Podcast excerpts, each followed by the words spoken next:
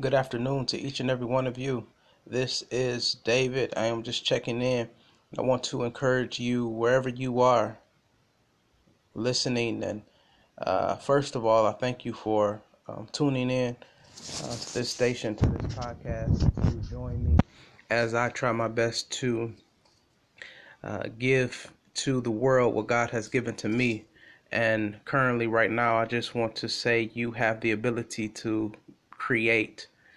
You have the ability to create. Um, I know that many of us have thoughts, have goals, have dreams.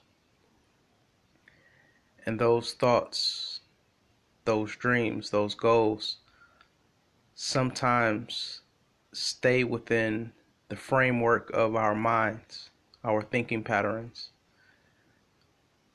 But I want to tell you what you think can become a reality.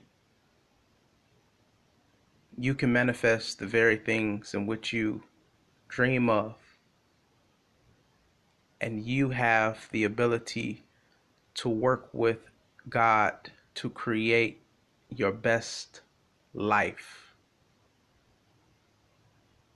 I don't care if somebody told you you're not good enough.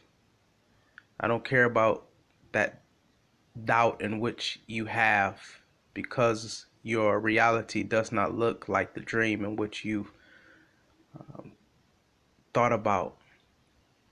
I simply want to tell you that fear cannot conquer you.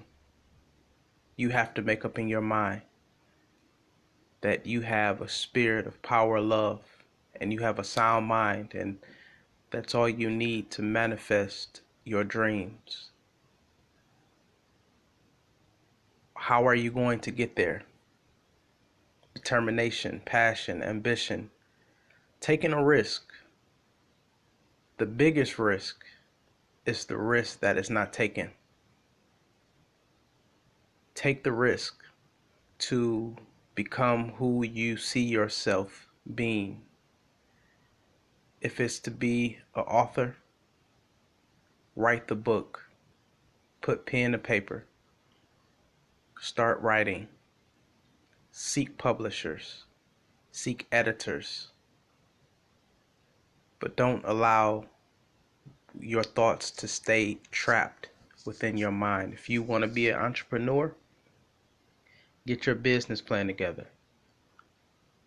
Start thinking of how your business is going to come to life. Begin to put yourself in certain social settings where you can connect with people who are entrepreneurs. Seek mentors.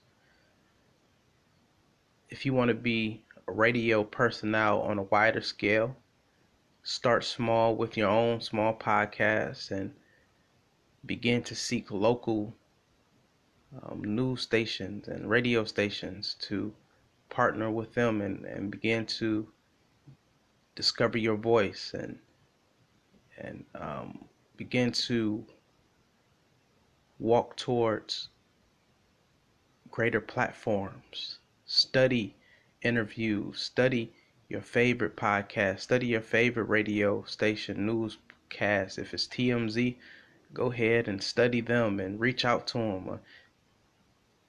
I just simply want to tell you that if you can dream it, you can become it, but you have to put your feet to the ground and begin to pursue your dreams. Don't and know that where you are is right is the very position God wants you to be. Right where you are is where you want to be. But this is the day that you begin to put your foot forward, your best thought forward. Give life to your goals, give life to your dreams and don't allow your dreams to die within your mind. A thought is is great. You can have a great idea, a great thought, but it's just as great within you. It's it's it's no greater if it does not release, if it's not manifested within the world, if it's not spoken. Speak life into your situation. You are successful. You are confident. You are God's creation. You are a child of God. You serve a God that is prosperous. You serve a creator that is abundant. You have life. And because you have life, you have the opportunity to do today what you did not do yesterday. And because you live, you have the ability to give life.